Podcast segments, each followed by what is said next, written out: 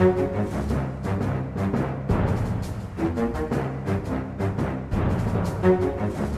men da, da kjører vi i gang da med en ny Aftenpodden. Eh, en dag litt forsinket, men vi er på plass i hvert vårt land. Eh, jeg, Lars Domnes, sitter i Barcelona i 28 grader. Eh, du, Trine Eilertsen, sitter i Oslo. Ja, eh, på vei til Finse, Norges tak. Der er det meldt 19 sekundmeter vind, regn og 1 plussgrad. Nettopp. Ja. Og så borti hjørnet, hvis jeg forstår det riktig, så sitter Sara Sørheim. Ja. Jeg skal bli i Oslo. Min favorittplass i hele verden. Jeg skal ikke røre meg av flekken hele helgen. Takk. Men uh, dere får, du får ha det lykke til på fjellet, Trine. Det Ja. helt forferdelig ut. Ja, da, Ja, men og det så kan vi jo eh, beklage at vi nå kommer ut en dag etter det som var eh, vanlig plan og vår faste rytme. Men eh, sånn er det når, når det er mye på programmet.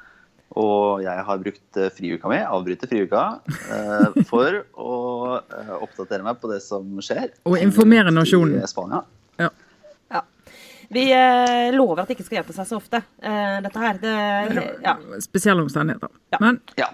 Men skal vi se. Vi- eh, vi skal snakke litt om eh, altså Inga Marte Torkelsen-saken og hva som har skjedd der. Så skal vi se litt på KrF, som eh, fortsetter veien videre. Så har vi noen knallgode, gode, men ubekreftede rykter.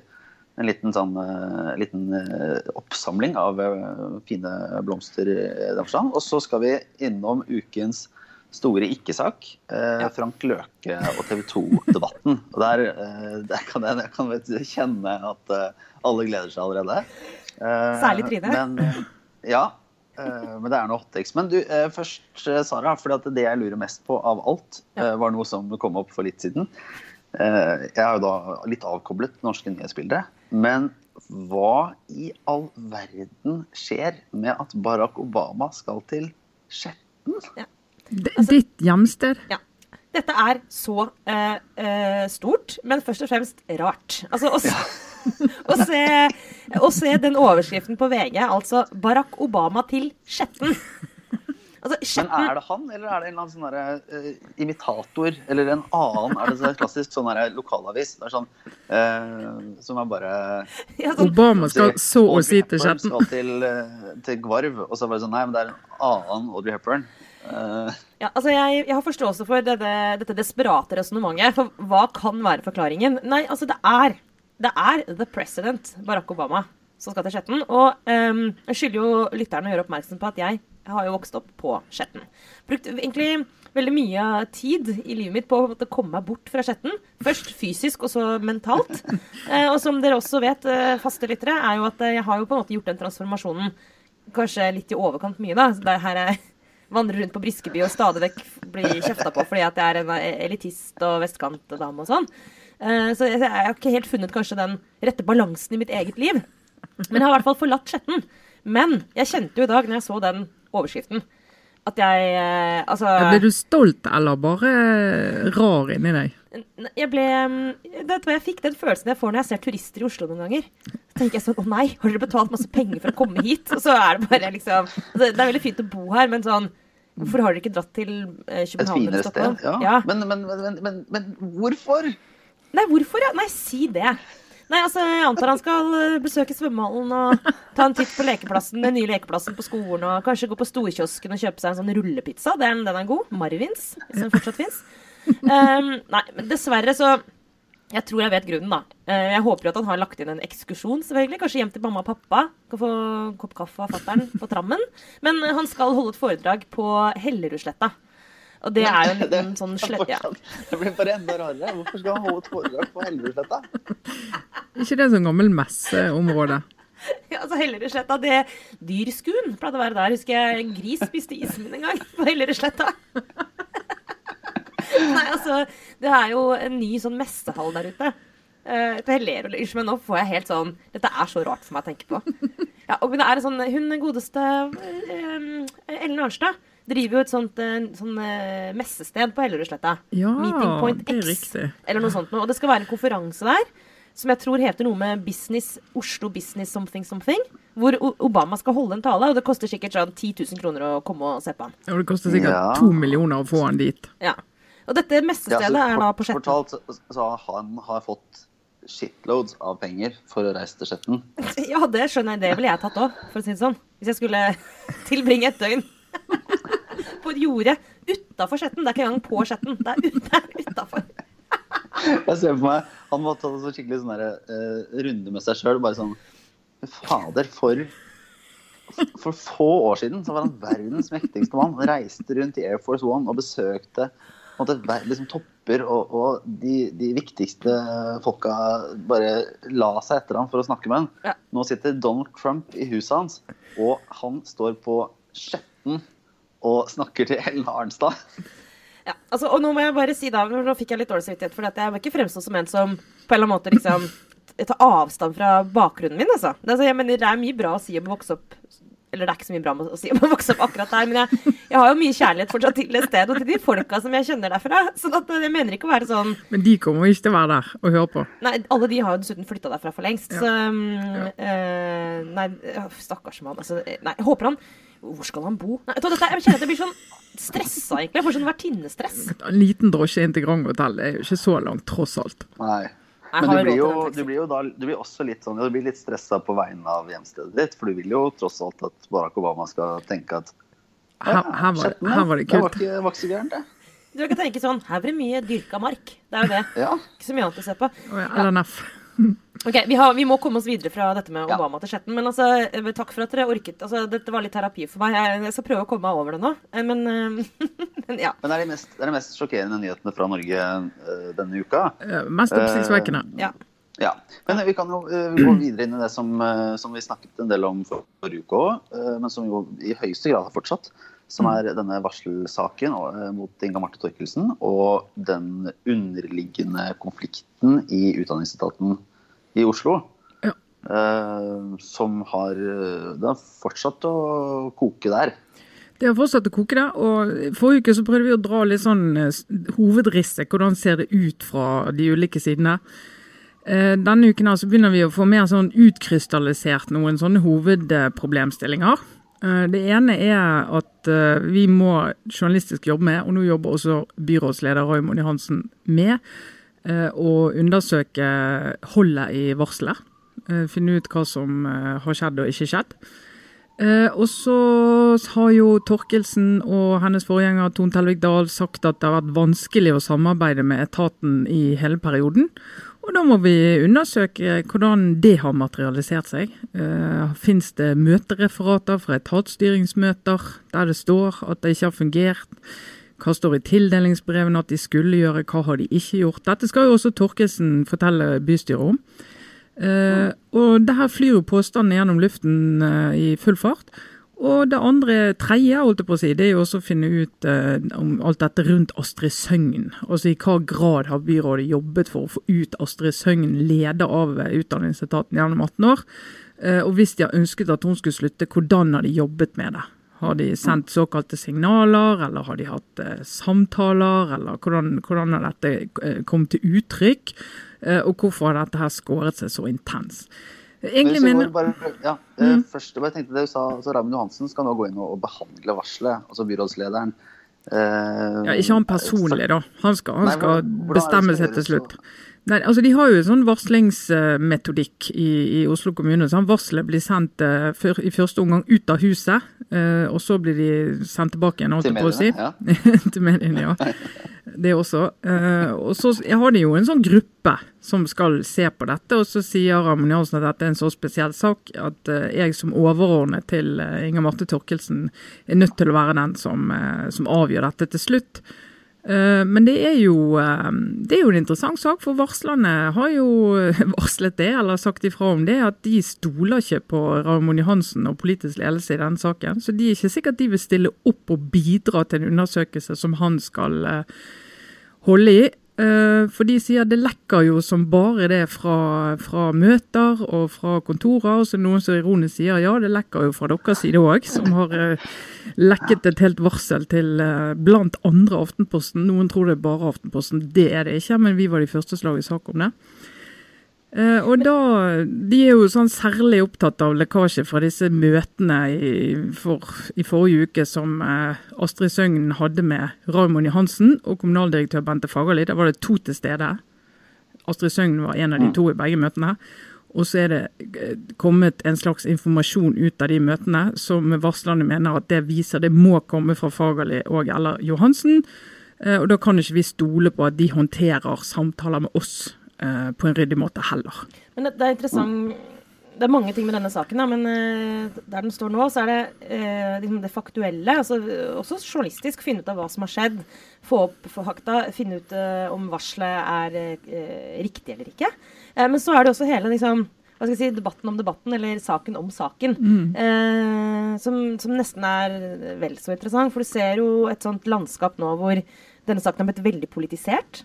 Uh, og det er mange sånne spin-off-diskusjoner. Det ene er altså alt dette rundt varslen, varslene og bruken, skråstrek, misbruken av varslingsinstituttet. Mm. Uh, og så er det å se på um, reaksjoner rundt på måte, man, hvilke side i saken man støtter. Uh, det er lett å få mistenke noen av de som er ute nå, for at man er litt farget av hvor man står politisk. Da, I forhold til hvem man liksom, ender opp med å ha sympati med. Ja. så jeg må si, sånn, Sett helt fra utsiden så er det en utrolig vanskelig sak å forstå. Fordi den er så farget. da. Dekningen ja. kanskje også, i hvert fall kommentarene. I hvert fall når du ser på liksom, folk som uttaler seg, så må man hele tiden trekke fra eh, hvilket ståsted de har, for å forstå liksom, hva de egentlig sier. Det er krevende. Ja, det, det, er krevende. og er jo, ja, Vi har jo hatt en diskusjon eh, med Dagsavisen denne uken her eh, om dekningen. og de gir i hvert fall inntrykk av at de er mer kildekritiske enn vi er da, i denne saken. her, og Mener at de har stilt mer spørsmål om hva som skjedde. Nå, nå har vi eh, brakt eh, omtrent alt det samme som, eh, som Dagsavisen har brakt. Men vi har jo vist fikk varsel og skrev selvfølgelig om det. Og da er jo litt, som nyhetsredaktøren i Dagsavisen sa i Dagsnytt 18 denne uken, at de ser sin oppgave det er å være et korrektiv til Aftenposten. Og det syns jeg er en litt sånn det er interessant ståsted å ha. Altså, i, min, I mitt hode vil jo oppgaven være å opplyse leserne mm. best mulig. Altså Hva vi gjør er ikke så veldig viktig, men de må jo opplyse saken så godt som mulig. og Det tenker jeg i hvert fall vår oppgave må være. Å gå inn i det fra så mange sider som mulig. Og vi, altså, For vår del, vi blir jo plassert inn i denne her hva skal jeg si, politiske dekningen. Nå blir det sånn gamle Høyreavisen Aftenposten er selvfølgelig positiv til Høyreskolen, og dermed positiv til varslerne, og dermed mm. positiv til riktignok Arbeiderpartidamen Astrid Søgnen. Uh, og det synes jeg er litt sånn, det er litt eksotisk. altså Jeg skjønner jo hva som skjer, men uh, jeg syns òg det, det, det, legger en tåke over saken som gjør at det er ganske vanskelig å, å, å som du sier, å skjønne den for en del som ikke sitter tett på. Mm. Men, Lars, kan jeg bare... Sånn som, som, det står nå, bare, er det, er det mer eller mindre sannsynlig uh, å, spå utfallet? Er det sånn, er det sånn at uh, mer sannsynlig at Inga Marte Torkelsen kommer til å uh, fortsette eller gå av, eller at den ledelsen må, må fortsette eller gå av? Det, det, fall, det, virker veldig usannsynlig at disse partene skal sette seg ned og ha et konstruktivt samarbeid videre. Alle, alle kortene er litt kasta nå for å ja, altså nå, La oss bare se hva som skjer. Nå er det gått så langt at det, det, det, er, ikke, det er, ikke, mulig nå å liksom samles en helg på Høyfjellshotell og snakke seg sammen. Altså Skulle de ha gjort det, måtte de ha gjort det for lenge siden. Eh, mm. Så, så, her må jo noen, noen må gi seg. Eh, et mulig utfall er at eh, begge gir seg. Både Søgn og Torkelsen som en sånn løsning der vi sier at dette fikk vi ikke til, nå må vi begynne på nytt igjen. Brent jordstaktikk?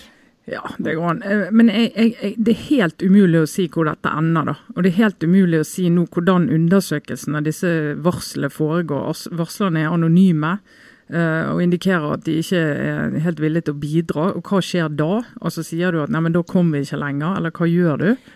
Ja, men du, Trine, det, det, det lurer jeg faktisk litt sånn på. Hvordan man som, vi som mediehus da, skal liksom navigere i det. For hvis varslerne måtte, ikke nå stiller opp til uh, å, en måte snakke med folk, men de har snakket med oss. Eh, ja, De har jo, de har jo liksom, egentlig ikke snakket med oss. Ja, men delt varselet med oss, de har delt varselet med oss, og, og, det vi har gjort med det, er jo å gå inn i det og se på konkrete anklager, og så må etter, prøve å ettergå de journalistisk. Ja. Altså, vi kan jo ikke vente på kommunen sin jobb med det, mener jeg. Det er jo helt ujournalistisk. Vi er nødt til å, å gå inn i det, og det jobber vi jo med. Uh, vi har gått inn, nå går vi, ja, vi gått inn i denne forandringsfabrikken, har vi sett på, sett på et par andre forhold. Og hele denne grunnleggende uh, anklagen som er at vi har, som etatene sier, vi har levert resultater. De resultatene blir ikke sett. Mm. De blir gjemt.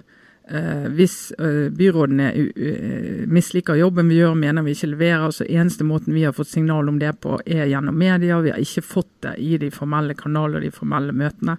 Det går an å finne ut av. Trenger ikke varslerne til det. Nei, Det, det går inn i referatene og se. Men i forhold til eh, hele, den, hele det varslingsinstituttet, Mm. så risikerer du på en måte at vi overtar litt av den jobben. Da? Vi, får, vi omtaler varselet først, vi undersøker holdet i det, og går ut med det. Eh, og da, hvis man liksom, ser det fra, fra den som blir varslet på sin side, da, så er det jo vanskelig å forestille seg at uh, nå f.eks. Torkelsen skal få en helt fair behandling. Når, de som, når granskerne, liksom, eller hva de kalles for noe, skal gå inn og se på det, så har jo på en måte saken blitt tømt ut hos oss allerede. Ja, vi må jo tro at det, det er mulig å komme enda mer til bunns i det enn en vi klarer. Da. Det Ja. må vi tro, rett og slett fordi at folk er jo nødt til å snakke på en annen måte vanligvis. Men, men det varslerne sier, det er jo Vi har jo egentlig Vår kommentator eh, Andreas Sletholm har argumentert for at det, når situasjonen er sånn som den har blitt, så er det fornuftig å løfte denne granskingen ut. Ut fra, fra eh, rådhuset Mm. og at noen andre gjør det. For det er så betent og det er så spesielt. Og det er, vi er i en situasjon der liksom alt blir tolket utrolig hardt og utrolig intenst. Og at det da enkleste måten å få helt oversikt er å løfte det ut av rådhuset. Men det, igjen, sant, det er veldig krevende, for det er, jo, det er jo parlamentarisme i Oslo. Og Torkelsen er Raimond Johansen sin byråd. Det er han og han alene som avgjør om han har tillit til hun. Hun kan, hun kan eh, gjøre de villeste ting. Og det kan bli belagt og alt mulig, men han kan likevel si at nei, men jeg har tillit til hun. Ja. Og da, da skal hun være byråd. Men eh, ja, bare, bare helt eh, akkurat, hvem er, Hvis det skulle settes ut, hvem, hvor, eh, hvem er det som kunne tatt på seg sånn? Er det sånn Nei, altså Er det finnes jo eh, nok av eh, advokat, advokatfirma som er på Lønseth i PwC f.eks. Han er jo ekspert på granskning. Og kjipe saker. Og veldig kjipe saker. Han, kunne jo, eh, han har god erfaring med litt betente undersøkelser. Nei, nei, det finnes, jo miljøer som er, og det sier jo litt om vår tid, at du har miljøer som er spesialisert på, på granskning, som jo Altså Det blir jo ikke en problemstilling før alt annet har låst seg, og helt vanlige prosesser og måter å gjøre ting på ikke fungerer lenger. Da. Så det er jo, det er jo et, bare det er jo et supernederlag for eh, altså, Og det blir litt sånn uansett hvem som har gjort hva. så det er at Oslo kommune, Norges største kommune og Norges største kommunale etat og byråden for kanskje altså et av de viktigste politikkområdene i Oslo, for ikke å si det viktigste, har klart å komme hit, det er en skandale. Og det at det er helt fastlåst Det, det, det er egentlig nesten irrelevant hvem sin feil det er. Men eh, hvis ikke Ja, de ja, klarer å det, løse opp det, i er det helt, det er en skandale, mener jeg. For det er, det er så destruktivt. Og det, er, det går eh, ja, Det er hundre, altså på å si, å millioner av elever, men det er det jo ikke. Men, men det er tusener på tusener, det er 160 000. Ja, altså, det var ja, enormt mye unger Ja. som eh, ikke rammes direkte, men som berøres av at ting stopper opp og ikke, ikke skjer sånn som det skal. Så det ja. Ja, Men eh, vi går eh, videre, fordi nå må dere som da sitter hjemme i kulda Jeg bare antar at hver gang jeg er i utlandet, så er det veldig kaldt og veldig grått. Ja, Men det er i hvert fall det vått, det kan jeg bekrefte. Det er også iskaldt. Det er faktisk det er helt forferdelig ute. Her i Oslo. Ja. Og verre skal det bli. Fordi eh, Men da det var Lars bare, nå mm, starter- ja, ja, bare, Ja. ja. Jeg må sette på vifta her, for det er litt varmt. Nei, eh, at eh, KrF nærmer seg den store dagen. Er det så? ja, i Ja. sneglefart. Eh, altså, KrF eh, var det ikke Gi meg et lite riss nå. bare hvor, Hva er det som er status Ja, ja. for, er for uh, de store avgjørelsenes eh, parti? Ja, Først og fremst vil jeg, Nå vil jeg bare skyte inn en bibelreferanse. Takk. Fordi Ja, takk på, for det. kom, Det er, det er Ja. obligatorisk når man snakker om KrF. Ja. Og Bare det bry- en dårlig liten uh, referanse til uh, Hva er det du skal si nå? De, de, de siste skal bli de første? Nei, jeg skulle, si de at små partier. Kommer, ja. Nå blir det ikke noe bra, for nå blir det sånn at jeg, nå blir det for mye oppmerksomhet rundt det. Men jeg bare, jeg bare har lyst til å sammenligne Hareide med Pontius Pilatus, som jeg kom på nå som toer sine hender. ja. Ja, synes jeg Ja. ganske, Hvorfor har ingen brukt den metaforen? Det er jo selve eksempelet på to sine hender. er jo det. Ja, og nå har han toet i et år, eh, og de tapte valget, og det har gått eh, egentlig veldig dårlig. Eh, Så de har jo sagt det, og sa jo det i vår eller i vinter, eller når det var etter evalueringen sin, at vi er nødt til, vi er nødt til å finne ut hvor vi skal gå. Skal vi eh, gå inn i denne regjeringen? Skal vi gå helt ut og være et rent opposisjonsparti sånn som vi er nå? Eller skal vi støtte et eh, nytt alternativ, altså Støre? I helgen skal KrFU ha landsmøte. Der skal de ta stilling til dette spørsmålet igjen. De hadde en liten runde i august, og da var det så vidt flertall for at de skulle fortsette sånn som nå. Så tror jeg mange i KrFU har også gjort inntrykk på de at de har en stortingsgruppe som eh, står helt i knestående og bare opplever at uh, de andre opposisjonspartiene tråler programmet deres for å finne forslag som de kan legge frem Dukk 8-forslag på, og så de kan tvinge KrF til å måtte ta stilling til. Så andre partier som bestemmer agendaen til KrF. Uh, og de løper etter alle store små saker, og det gjør at de får ikke markert seg. Så dette er liksom en sånn reell problemstilling i partiet. Så de har diskusjon på nytt i KrFU nå, og nå ledelsen i KrFU kommer til å anbefale sitt landsmøte i helgen å gå inn for at de går inn i regjering så er det ikke sikkert landsmøtet er med på det. De er ganske delt. Så det er ikke, ingen som vet egentlig hva det ender med. Så det er et forbausende spennende ungdomspartilandsmøte. For neste fredag skal jo partileder Knut Arild Hareide holde en tale til landsstyret i Moderpartiet. De møtes med Janne mellomrom gjennom året. Der, der i hvert fall vars, varsel, holdt jeg på å si, jeg må ikke bruke det ordet, der det er signalisert at han eh, kommer til å gi noen hint om, om, hvor han vil anbefale partiet å gå eh, litt lenger ut på høsten. Men ledelsen i KrFU eh, de legger nå da opp til at ungdomspartiet skal fortsette. Det er sånn, det er sånn fin greie i KrF gjennom disse året, og som bare dytter beslutningen litt videre. Så de vil si sånn Ok, vi vil kanskje inn i regjering, men hvilken? Nei, det er egentlig akkurat det samme. Ja, det var interessant. Her, nå, de, nå skal du ha ballen. Ja, det var Martine Tønnesen, eh, eh, leder i KrFU, var på Politisk kvarter eh, i dag, fredag morgen, og sa at, begynte med å si at de burde gå inn i Erna Solbergs regjering. Ble presset liksom på alt de har sagt om dette. og Til slutt sa hun jo at ja, det, det er jo ikke nødt til å være Erna Solbergs regjering. Kan også være Støre-regjering, men det må i hvert fall være regjering. fordi at vi, sånn som vi har det nå, kan ikke vi ha det. Men det var jo litt sånn herlig ærlig å, å si ja, det. Men uh, hun har jo rett. For uh, rent sånn kynisk sett så er det blivende stedet for Altså der KrF er nå, er ikke noe blivende sted. Ja, det kan ikke bli verre enn nå, tror jeg. Nei. begynner å bli vurderingen hos flere og flere. så Derfor er vi nødt til å ta et valg. For det, Før sommeren, når de hadde sånn oppsummerende pressekonferanse, så sto de jo og sa i fullt alvor at nei, det er jo et alternativ å fortsette som nå. Så ja. så du alle. Mm, lykke til med det.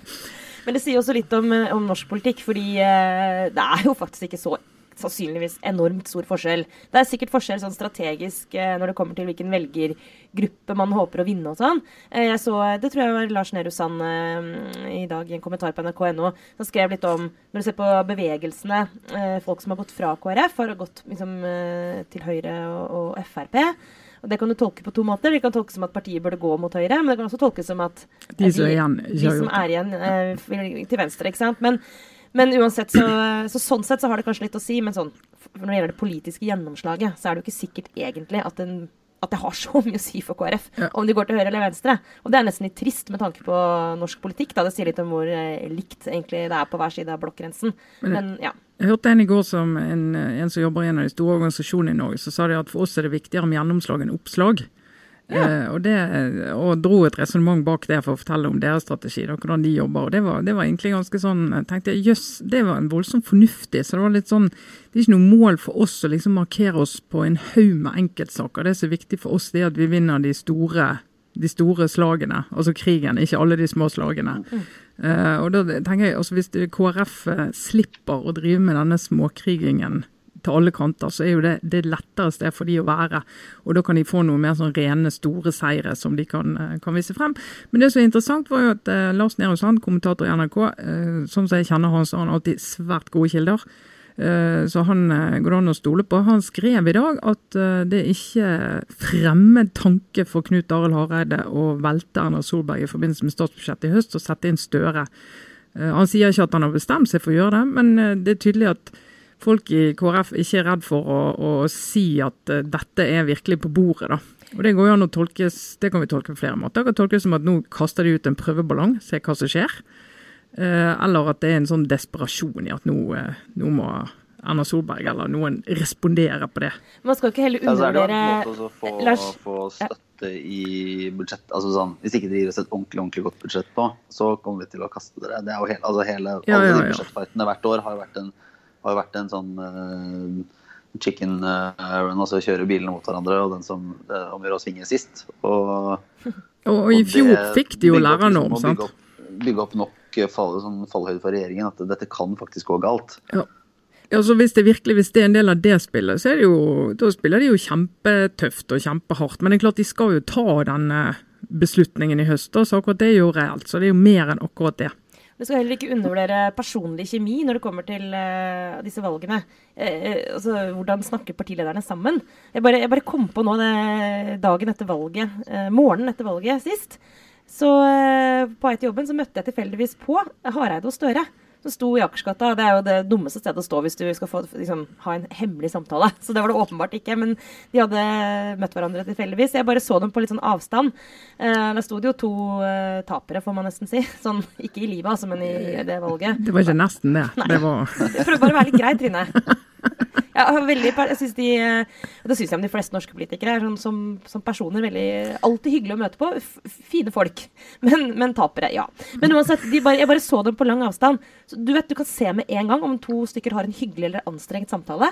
Det var så lite anstrengt. Altså, de hadde en så utrolig bare Jeg tenkte sånn at dere to, vet du. Dere har skikkelig god kjemi, dere. Til, dere har lyst til å sitte i regjering sammen. Men det har nok eh, Det er noe litt av det personlige dilemmaet til Knut Arne Hareide, for han liker jo Erna Solberg ordentlig godt også. Oh, ja. Virkelig. Å oh, nei, typisk han, stakkars. Så det, der sitter han. Men uh, det er jo mye annet hun har med seg på trall, så han uh, liker ikke, ikke, så godt. Det er sant. Ja. Men eh, jeg tror vi skal videre til den Hva er det vi kaller det? Posten, ikke spalten.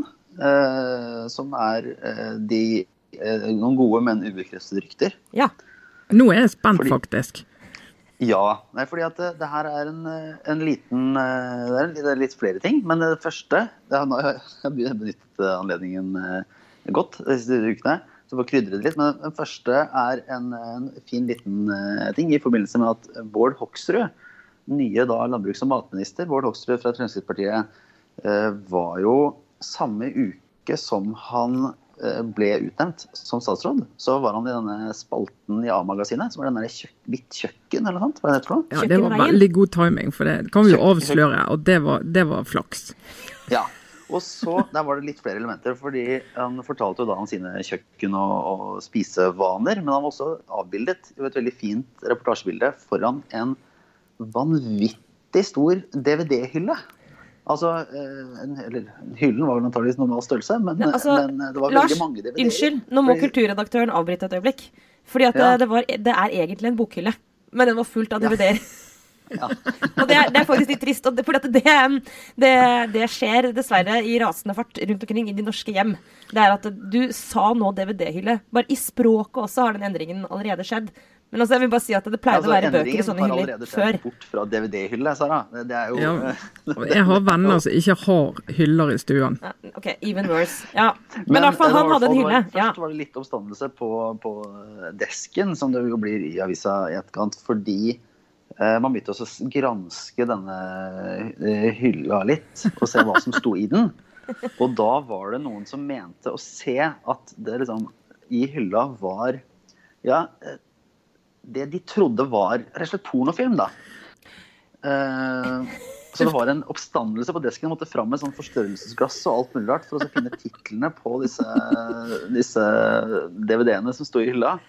Og uh, det, etter hvert så måtte vi trå til med litt sånn genuin kildekritikk og så slå fast at uh, filmen som heter An American Orgy, det er en sånn derre det er en sånn goofy komedie. uh, ikke en uh, faktisk blåfilm. Nei. Så, så, det var noe så. Det var, det var foreløpig ingen tegn på, uh, på, på rariteter sånn i filmhylla, selv om denne filter, filternettstedet lagde en veldig fin anmeldelse av, av DVD-hylla til Hoksrud, basert på det som sto.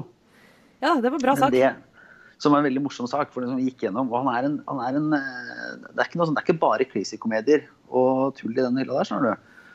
Og da kan jeg med et godt, men ubekreftet rykte, så kan jeg nå komme med en avsløring om det som sies å være Bård Hoksruds eh, to favorittfilmer.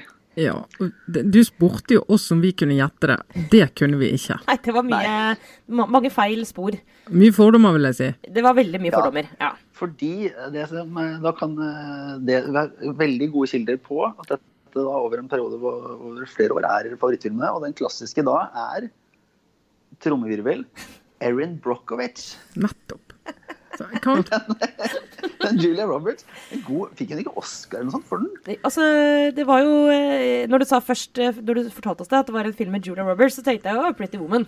Men det var den, det var den gode filmen med Julia Roberts. Den, hun, eh, jo, altså, om hun fikk Oscar, husker jeg ikke i farta, men hun gjorde jo en heltemodig innsats. Vet, når Det som skjer i Hollywood noen ganger, er at veldig, veldig, veldig veldig pene skuespillerinner eh, tar plutselig sånne roller hvor de er ikke så pene. Aaron Brockovich også egentlig veldig pen. det Men, og litt harry, da. ja, men litt sånn at du på en måte at de går inn i en sånn karakter hvor de får lov til å bruke mye større register. Og det skjedde jo med Julia Roberts. Hun gjorde en veldig god eh, hva heter det, rolletolkning. Ja, og det er jo den lille kvinnes kamp mot storkapital og systemet den handler om. Da. Så, sånn ideologisk mener jeg jo Bård Hoksrud er der han skal være. Ja. Og så er den andre filmen er da eh, Veronica Gur Gurin, Guran, Gurin en isk, om en isk journalist som uh, ble altså en, en, eh, Det er lagd en spillefilm med Kate Blanchett uh, om en isk journalist som skrev om sånne narkoligaer i Dublin og ble drept en gang på 90-tallet. Så det var liksom den andre filmen. Så Yes. kan Hvis man skal tro disse gode, gode kildene, så, så er det to, to filmer med sånn klart politisk eh, tanke om den lille den Kvinne. enkeltpersonens Lille kvinne. Ja. Kvinnen mot ja. resten. Det, er, det overrasker meg egentlig ikke, for eh, Bård Hoksrud han er ikke så han, Man skal passe litt for å legge alle sine fordommer til, til grunn. Eh, han er, eh, han er, har liksom flere sider ved seg enn det man kanskje kan tro. Jeg, jeg kan fortelle også, jeg har også et godt, menybekrefta rykte om Bård Hoksrud. Eh, Og det er at han har med seg verdens tristeste sånne slankekjeks eh, til regjeringslunsj. Eh, på fredager når de har regjeringslunsj. Eh, og at det har fått folk til å på ekte synes synd på at han sitter og knasker i seg sånne utrolig kjipe sånne kjeks som ikke smaker noen ting. Eh, og liksom, hvor lenge kan det egentlig vare? Det er stakkars mann. Så det Uff. ja. Vi får sende en støttende tanke til Bård. Ja. Eh, og så, men jeg, jeg lurte litt på det, jeg får jo ta som, en, eh, som en, et videre prosjekt kanskje, men finne hvilke favorittfilmer ulike politikere har. Ja. Mm. For der må det jo ligge en, eller annen, det må ligge en analyse i, Ja. da, i hva, som, eh, hva som måtte være. men vi vet jo, vi har jo en del uh, politikere i lytterskaren vår, så hvis dere har noen tips om det, så vi kan lage den ultimate listen ja altså over det, så tar vi imot eh, tips. Og vi selvfølgelig må sjekke videre, da, for det er jo alvorlig journalistisk Ja. eh, arbeid. og hvis det kommer inn et varsel på eh, dårlige filmer, så skal vi undersøke holdbarheten i det før vi publiserer noe. Men hvis vi kan lage en sånn guide til norsk politikk gjennom partiledere og andre politikeres favorittfilmer, så det kan være nyttig. Ja, det kan være nyttig. Audun Lysbakken, f.eks. Ja, og da, og da tror jeg vi merker forskjell på de politikerne som er helt ærlige, og de som tenker liksom taktisk når de skal gi en film som de tenker det er den jeg bør like. Og det, hvis det kommer, da skal vi avsløre det. Hvis Erna Solberg svarer sånn 'Gudfaren 2', da blir jeg det, så det glad. tror jeg på. Det tror jeg på. Men hvis, men, men, men hvis hun sier liksom et eller annet kjempesmalt fransk noe, så tenker jeg nå har du tatt Støre sin film. Men, det, men den kommer ikke Støre til å oppgi, for det er ikke folkelig. Nei, å, Støre sin, Støre sin favorittfilm. Liksom, Mot i brøstet, the movie, eller hva han Pølsegeit. Ok, Vi, vi lover vi, Dette her skal følge jeg kjenner nå en sånn eh, slags journalistisk kall. En slags vekkelse. Så dette skal vi prøve å finne ut av. Ja. Eh, ellers, eh, i Gode, men ubekreftede rykter, så kan jo Det var jo omtalt så vidt i mediene denne uka at Erna Solberg holder seg oppdatert på eh, på den hva skal jeg si, den ekstremt trashy, men for mange underholdende reality-serien Ex on the Beach. Ja.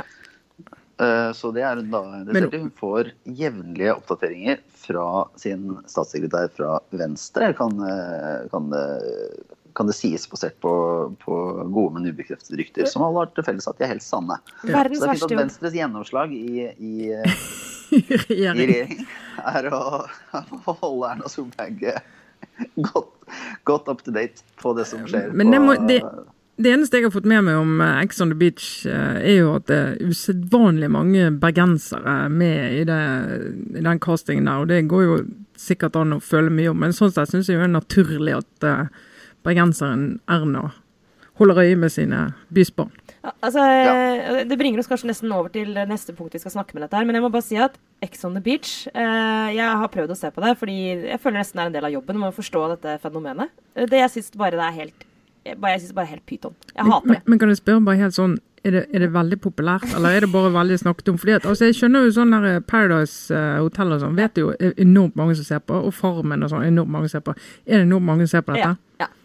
Ok. Eh, mange, men jeg, akkurat hvor Det er litt vanskelig å vite av og til hva som er eh, Jo, men dette er eh, som- ikke noe å ja. lure på. De, se- det, dette blir De ser på det. Ja. Ja. Så får man liksom bare forholde seg til det. Men, eh, men jeg syns Torgny Andam hadde et interessant innlegg på Facebook forrige uke, hvor han skrev at det, skal si det var klasseforakt der i 2018. Jo, det er jo at voksne mennesker sitter og lager dette programmet hvor de sender disse uh, unge menneskene på stranda og får dem til å fremstille seg Altså, å vise dem frem på denne måten. Det var interessant Ja, de, på de, det. de som, noen av de som tror at norske grunnloven er fra 1984 eller 1942. Og så var selvfølgelig svaret fra TV Norge Uh, Det var selvfølgelig de, de er voksne mennesker, og de må få lov til å bestemme selv. Ville det ikke vært umoralsk av oss, da? Å liksom stille oss til doms over dem? Og da er vi tilbake til det som jeg mener er den feigeste Det er den feigeste unnskyldningen for å gjøre alt mulig. Det er at eh, jo, men folk må jo få lov til å velge selv. Eh, Fordi ja. det er jo asymmetriske maktforhold til det, så det runger etter her. Men det får vi Ja, eh, altså mm, Ja. Dette må jeg merke jeg ikke skal uttale meg om, for jeg har ikke sett det. Nei. Det Vi, eh, Men de vi kan gå over til de til får eh, de får, Det som er også litt fascinerende, er de får forbausende lite penger for å delta. Det er ikke sånn at du Jeg tenker den derre den utnyttelsen av hva skal si, folk som ikke vet bedre eller har, eh, står stille svakt, ville vært enda mer hvis de fikk sånn, hvis de hadde fått en halv million eller en million for å delta. Ja. Men det er snakk om noen få tusen kroner. Men, men, men hva er det ikke jobb om å liksom ta fri i mange uker og sånn for å Nei, men det de, det de får jeg skjønner ikke Dette, Trine, er jo Det de blir etterpå, er jo influensere. Å ja, oh ja, så det er da de får jobb, på en måte? Så de er på jobb, på en måte. Altså, de, okay. Og hun ene der har jo allerede fått en hit eh, basert på eh, at hun skjelte ut en annen i, i programmet og sånn. Så altså, det er jo dessverre, eller, eller heldigvis, alt ettersom, eh, dette er jo en bransje i Skal inn i døgnfluebransjen? Ja. Ok.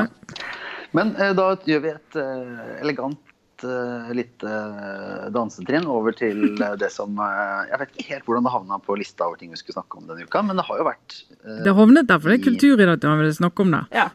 Ja, Jeg brukte fordi min makt. Frank Løke er jo da kastet ut av Skal vi danse Ja. fordi han stilte opp i en cha-cha-cha, var det det? I en sånn Borat-drakt. Ja. Eller en mankini, eller hva du skal si. Den overlot i hvert fall veldig lite til fantasien. Ja. Og så har jo det hele da Det blir jo tatt ille opp av dansepartneren, som eh, det hevdes da ikke visste noe om dette. Og eh, til slutt, så etter reaksjonene, så sa TV 2 at eh, nei, Frank, dette er ikke bra nok. Nå er du ferdig, og du kan ikke være med på i de kommende produksjonene i TV 2 heller. Nei. Som, du skulle, som han skulle være med på et sånn sjekkeprogram og litt forskjellige ting. De så kuttet all eh, droppe, da. kontakt. Ja. Nei, men altså, eh, dette, kan egentlig, dette sklir egentlig sammen med det jeg hadde tenkt at skulle være min OR denne uka. Så vi, vi kan jo Fordi at det, eh, Kobler det sammen. Det er ja. helt fint. Fordi eh, det er ikke det at jeg er så opptatt av Skal vi danse. For helt ærlig så har jeg aldri sett på Skal vi danse. Altså ikke ett sekund. Eh, men jeg heier i år på Morten Hegseth, min, eh, eller vår kollega i VG, som jeg veit at er med. Han er med. Ja, han er med, og han kjenner jeg jo, så jeg heier på han. Eh, utover det så har jeg Altså, jeg, har, jeg, jeg, jeg, jeg couldn't care less. eh, Altså, jeg, har, jeg har all respekt for de som ser på Skal vi danse, for mitt inntrykk er at Norge er delt i to. Det er de som ser på Skal vi danse, og det er de som ser på Stjernekamp. Og jeg er jo på Stjernekamp, for jeg, jeg må det. Jeg må det. Mens eh, jeg derimot var jo i fjor på innspillingen av Skal vi danse. Ja, Så vi er representant for hvert vårt segment i befolkningen. Så da kan At Sara noen stå på sier vi er elitistiske og ikke folkelige, Nei, det skjønner ikke jeg. et mysterium. Nei, vet du, jeg er så Det her er, ikke koketteri, ass. Jeg bare Det livet er for kort. Både eh, Det er stjernekamp òg. Det, helt- det treffer altså ingen sånne Nei, strenger men i meg. plutselig har du barn som har strenger som treffes, og da må du være med på dette, Sara. Ok, Da nyter jeg enn så lenge at mine barn er mer opptatt av Brannmann Sam og Eller, eller, nå- eller lærer nå de å er du- er du lese når de leser fotballfruebloggen, sånn som du gjør? Burn. OK, tilbake nå. Fokus, fokus. Frank Løke. Eh, Det han jo gjorde, egentlig, var å kline nesten helt naken kropp eh, inn i kroppen til Eller ikke helt inn i kroppen, men veldig tett på eh, kroppen til sin dansepartner på direktesendt TV. Og hun ble jo fanget på den parketten da, eh, og skulle gjennomføre dette cha-cha-cha-nummeret, eller hva det nå var, disse bevegelsene. Eh, og ble satt i, ifølge henne selv i en utrolig ubehagelig eh, situasjon. Og det Det ble for mye hud, rett og slett. Ja, altså. Det, ble, det er ubehagelig å få en så en naken person så tett på uh, direkte på TV. Ja, skjønner jeg. Men, Men er du mitt blant de som da mener at dette For det har vært litt sånn innlegg, og det var veldig mange som, uh, som kastet seg rett opp på høyhesten og sa at dette var liksom helt klart seksuell trakassering, og TV 2 måtte sette ned foten. og Helt uakseptabelt. Og er du, er du i det hjørnet der, Sara? Ja, ja egentlig. Ikke sek altså, seksuell trakassering det er, liksom, det er litt vanskelig begrep. Det er ikke det det, det, jeg tror ikke vi, det tror jeg kanskje blir feil å sette den merkelappen på det, hvis ikke man gjør den sekken litt stor. Men, men helt, klart, uh, helt klart over streken for um, uh, hva man skal tåle. Det er jo et, det er i hvert fall um, Om det ikke er trakasserende, så er det i hvert fall sånn helt utidig uh, gjort overfor hun dansepartneren. Og i i lys av Og det er egentlig dette som er mitt poeng, da. Tidsånden. Fordi jeg tror at det, så, det, dette er et eksempel på, det er en person, Frank Løke, som rett og slett har, har bomma litt på har ikke helt skjønt hva som er greit og ikke greit. TV 2, hvis det stemmer at de egentlig visste om dette på forhånd, og så bomma litt på å forstå hva som er greit og ikke greit, men når de ser reaksjonen i etterkant, så skjønner de at oi, det, dette var visst ikke greit. Og så eh, kvitter de seg med Frank Løke og løser problemet på den måten. Men eh, Kanskje ville det vært greit for et år siden.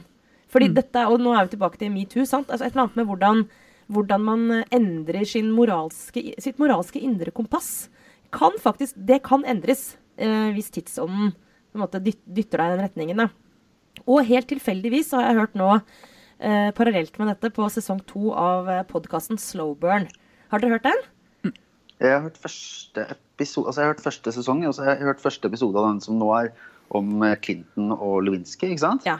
Og det er så vanvittig interessant. Altså, den der Monica Lewinsky-saken er jo egentlig for min del, og sikkert deg også, Lars Trine var vel allerede i fast jobb og, og voksen den gangen, men vi var barn. Fulgte, jobbet faktisk i USA og fulgte høringene på TV da de foregikk den gangen. Det var jo ja, vi, Det er mye så spektakulært i dag, men den gangen da var det helt ko-ko. Ja, for sånn som jeg husker den saken selv da det pågikk, var jo at uh, all min sympati lå uh, hos Bill Clinton, som ble utsatt for dette angrepet fra liksom, han Ken Starr, da, denne etterforskeren som gransket han, som da trakk fram den ene liksom, kvinnen etter den andre opp på hatten, som skulle ha blitt utsatt for presidentens uh, da, umoral. og har egentlig, har egentlig, ikke reflektert så mye over det siden. Altså, den, den saken har bare satt seg hos meg som et sånt alt var um, Jeg har tenkt best på det fordi at det sannsynligvis har formet Hillary Clinton så sterkt som politiker, og kanskje var det det som spente bent på henne. Uansett, den mistenksomheten. Men når den historien nå blir gjenfortalt i denne sesong to av uh, Slowburn, så slår det meg hvor, altså, hvor helt usannsynlig dårlig oppførsel Bill Clinton faktisk uh, viste den gangen. Og at både når det gjelder Lewinsky, men også de andre, andre kvinnene som sto frem der altså Den behandlingen han ga dem, den, den, han, han ville rett og slett ikke kommet unna med det i dag. Han løy. Han løy. Men det, men han misbrukte makt. Han fremsto helt umoralsk. Og ikke minst gjorde han jo det som er selve liksom eh, kjernen i det som kom fram under metoo. Nettopp at han, han brukte makten sin til å få tilgang til seksuelle tjenester fra kvinner. Og brukte den samme makten til å, til å få de kvinnene til å på en måte holde kjeft eller Kaste de under toget. Kaste de under toget. Men, men det, det, er veldig interessant. fordi at Hvis vi skal dra parallell til vår eh, nåtid Du kan se på Giske-saken, du kan se på Torkelsen-saken. Ja. Så kan du se når denne typen ting skjer i politikken hvis, når det raskt blir politisert, det ble Clinton-saken. Alle demokratene så på dette som nok et angrep fra republikanerne. For de hadde jo opplevd at de hadde jaktet og jaktet og jaktet på saker gjennom hele perioden som de skulle ta Clinton på. Og dette, denne føyet seg bare inn i rekken. Så da ble hun sett på nesten som et verktøy for republikanerne til å ødelegge for Clinton. Eh, og, og, da klarte kvinner i Det demokratiske partiet klarte ikke å se det. Og vi, som mange av oss som hadde sympati med Clinton som politiker, for i Norge er det jo alltid bedre med en demokrat enn en republikaner, ja, ja. og så klarte ikke å, å, å, se det. Og det ser vi i disse andre sakene òg. Med en gang du får på de politiske brillene, så klarer du ikke å se saken i seg sjøl. Mm. Ja, det, det, er utrolig interessant. Ja, det må jeg bare si, for dette eh, egentlig og jeg, jeg, sannsynligvis har de samme brillene på meg selv, da. Men uh, når du har et menneske som uh, på den måten utnytter makt, uansett på hvilken måte man gjør det, men når du uh, misbruker posisjonene på den måten, så bør du ikke ha et tillitsverv. Det er lett å si, da. Mm. Men, men tankene går jo til disse sakene som du nevner nå, Trine, og hvor krevende det er å liksom skulle klare å vurdere dem. Derfor må man ha noen prinsipper eh, å gripe til når eh, sånne saker dukker opp. Og bare tenke sånn OK, jeg må se bort fra person, se bort fra hva jeg mener, men liksom prøve å liksom, holde meg til prinsippene. Og hvis han skulle gjort det, så skulle jo Clinton altså gått på huet og ræva, unnskyld uttrykket, ut av det kontoret. Nå ringte det på døren, Lars. Det gjør det. Jeg vet ikke hvem som kommer, men For eh, det er vel også et tegn på at vi skal gå inn for landing snart. Ja. Jeg skal bare da skyte inn at uh, min, eh, hvis, man er, hvis man som meg er litt interessert i dette med hvordan liksom, tidsånden endrer moralske grenser, så kan jeg altså bare slenge på toppen av Det er en anbefaling, denne podkasten Slow Burn. Men uh, se gjerne også den uh, britiske serien som heter A Very English Scandal, som ligger på NRK sin uh, nettspiller nå, med Hugh Grant i hovedrollen, som handler om en, en politiker som går på en smell pga. en, en sexskandale. Den, det den er fra 70-tallet, eh, altså historien. Det er basert på en sann historie. Skjedde på 70-tallet. En ny innspilling nå. Som også gir en helt sånn Og hva som var nok til å utløse en sånn enorm skandale den gangen. Som i dag ville vært uh, whatever, liksom. Uh, så det, det også, se, se gjerne den. Den gir også interessante perspektiver på det vi snakker om nå. Ja. Jeg kan egentlig gå videre til en liten min lille obligatoriske refleksjon. Så fikk vi et spørsmål her fra en, en som eh, hører på podkasten, om hva denne liksom, obligatorisk refleksjon, hva slags begrep det egentlig er. Ja, skal vi minne om det?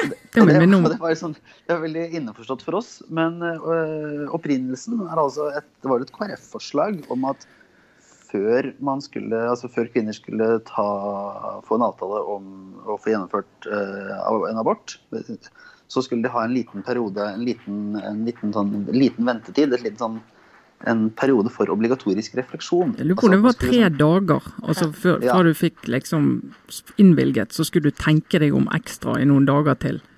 Det, Ja. det er mest som, nedlatende. som om kvinner kommer dit uten å ha tenkt på det. Men ok, det ble jo ingenting av, men vi syns jo det var et gøyalt eh, begrep. Det ble heldigvis Ja. ingenting av, men det ble noe av her. Ja. Ja, så det er her det har satt sine spor. Uh, og min, det passet egentlig fint med, sånn, med tidsånd, fordi jeg skulle anbefale en, eh, en bok som jeg leste i sommer, men som eh, var veldig fascinerende. Som er altså det er en slags Det er jo et, en memoarene, men eh, mer eh, om verden enn om den som skrev den, som heter altså Stefan Schweig.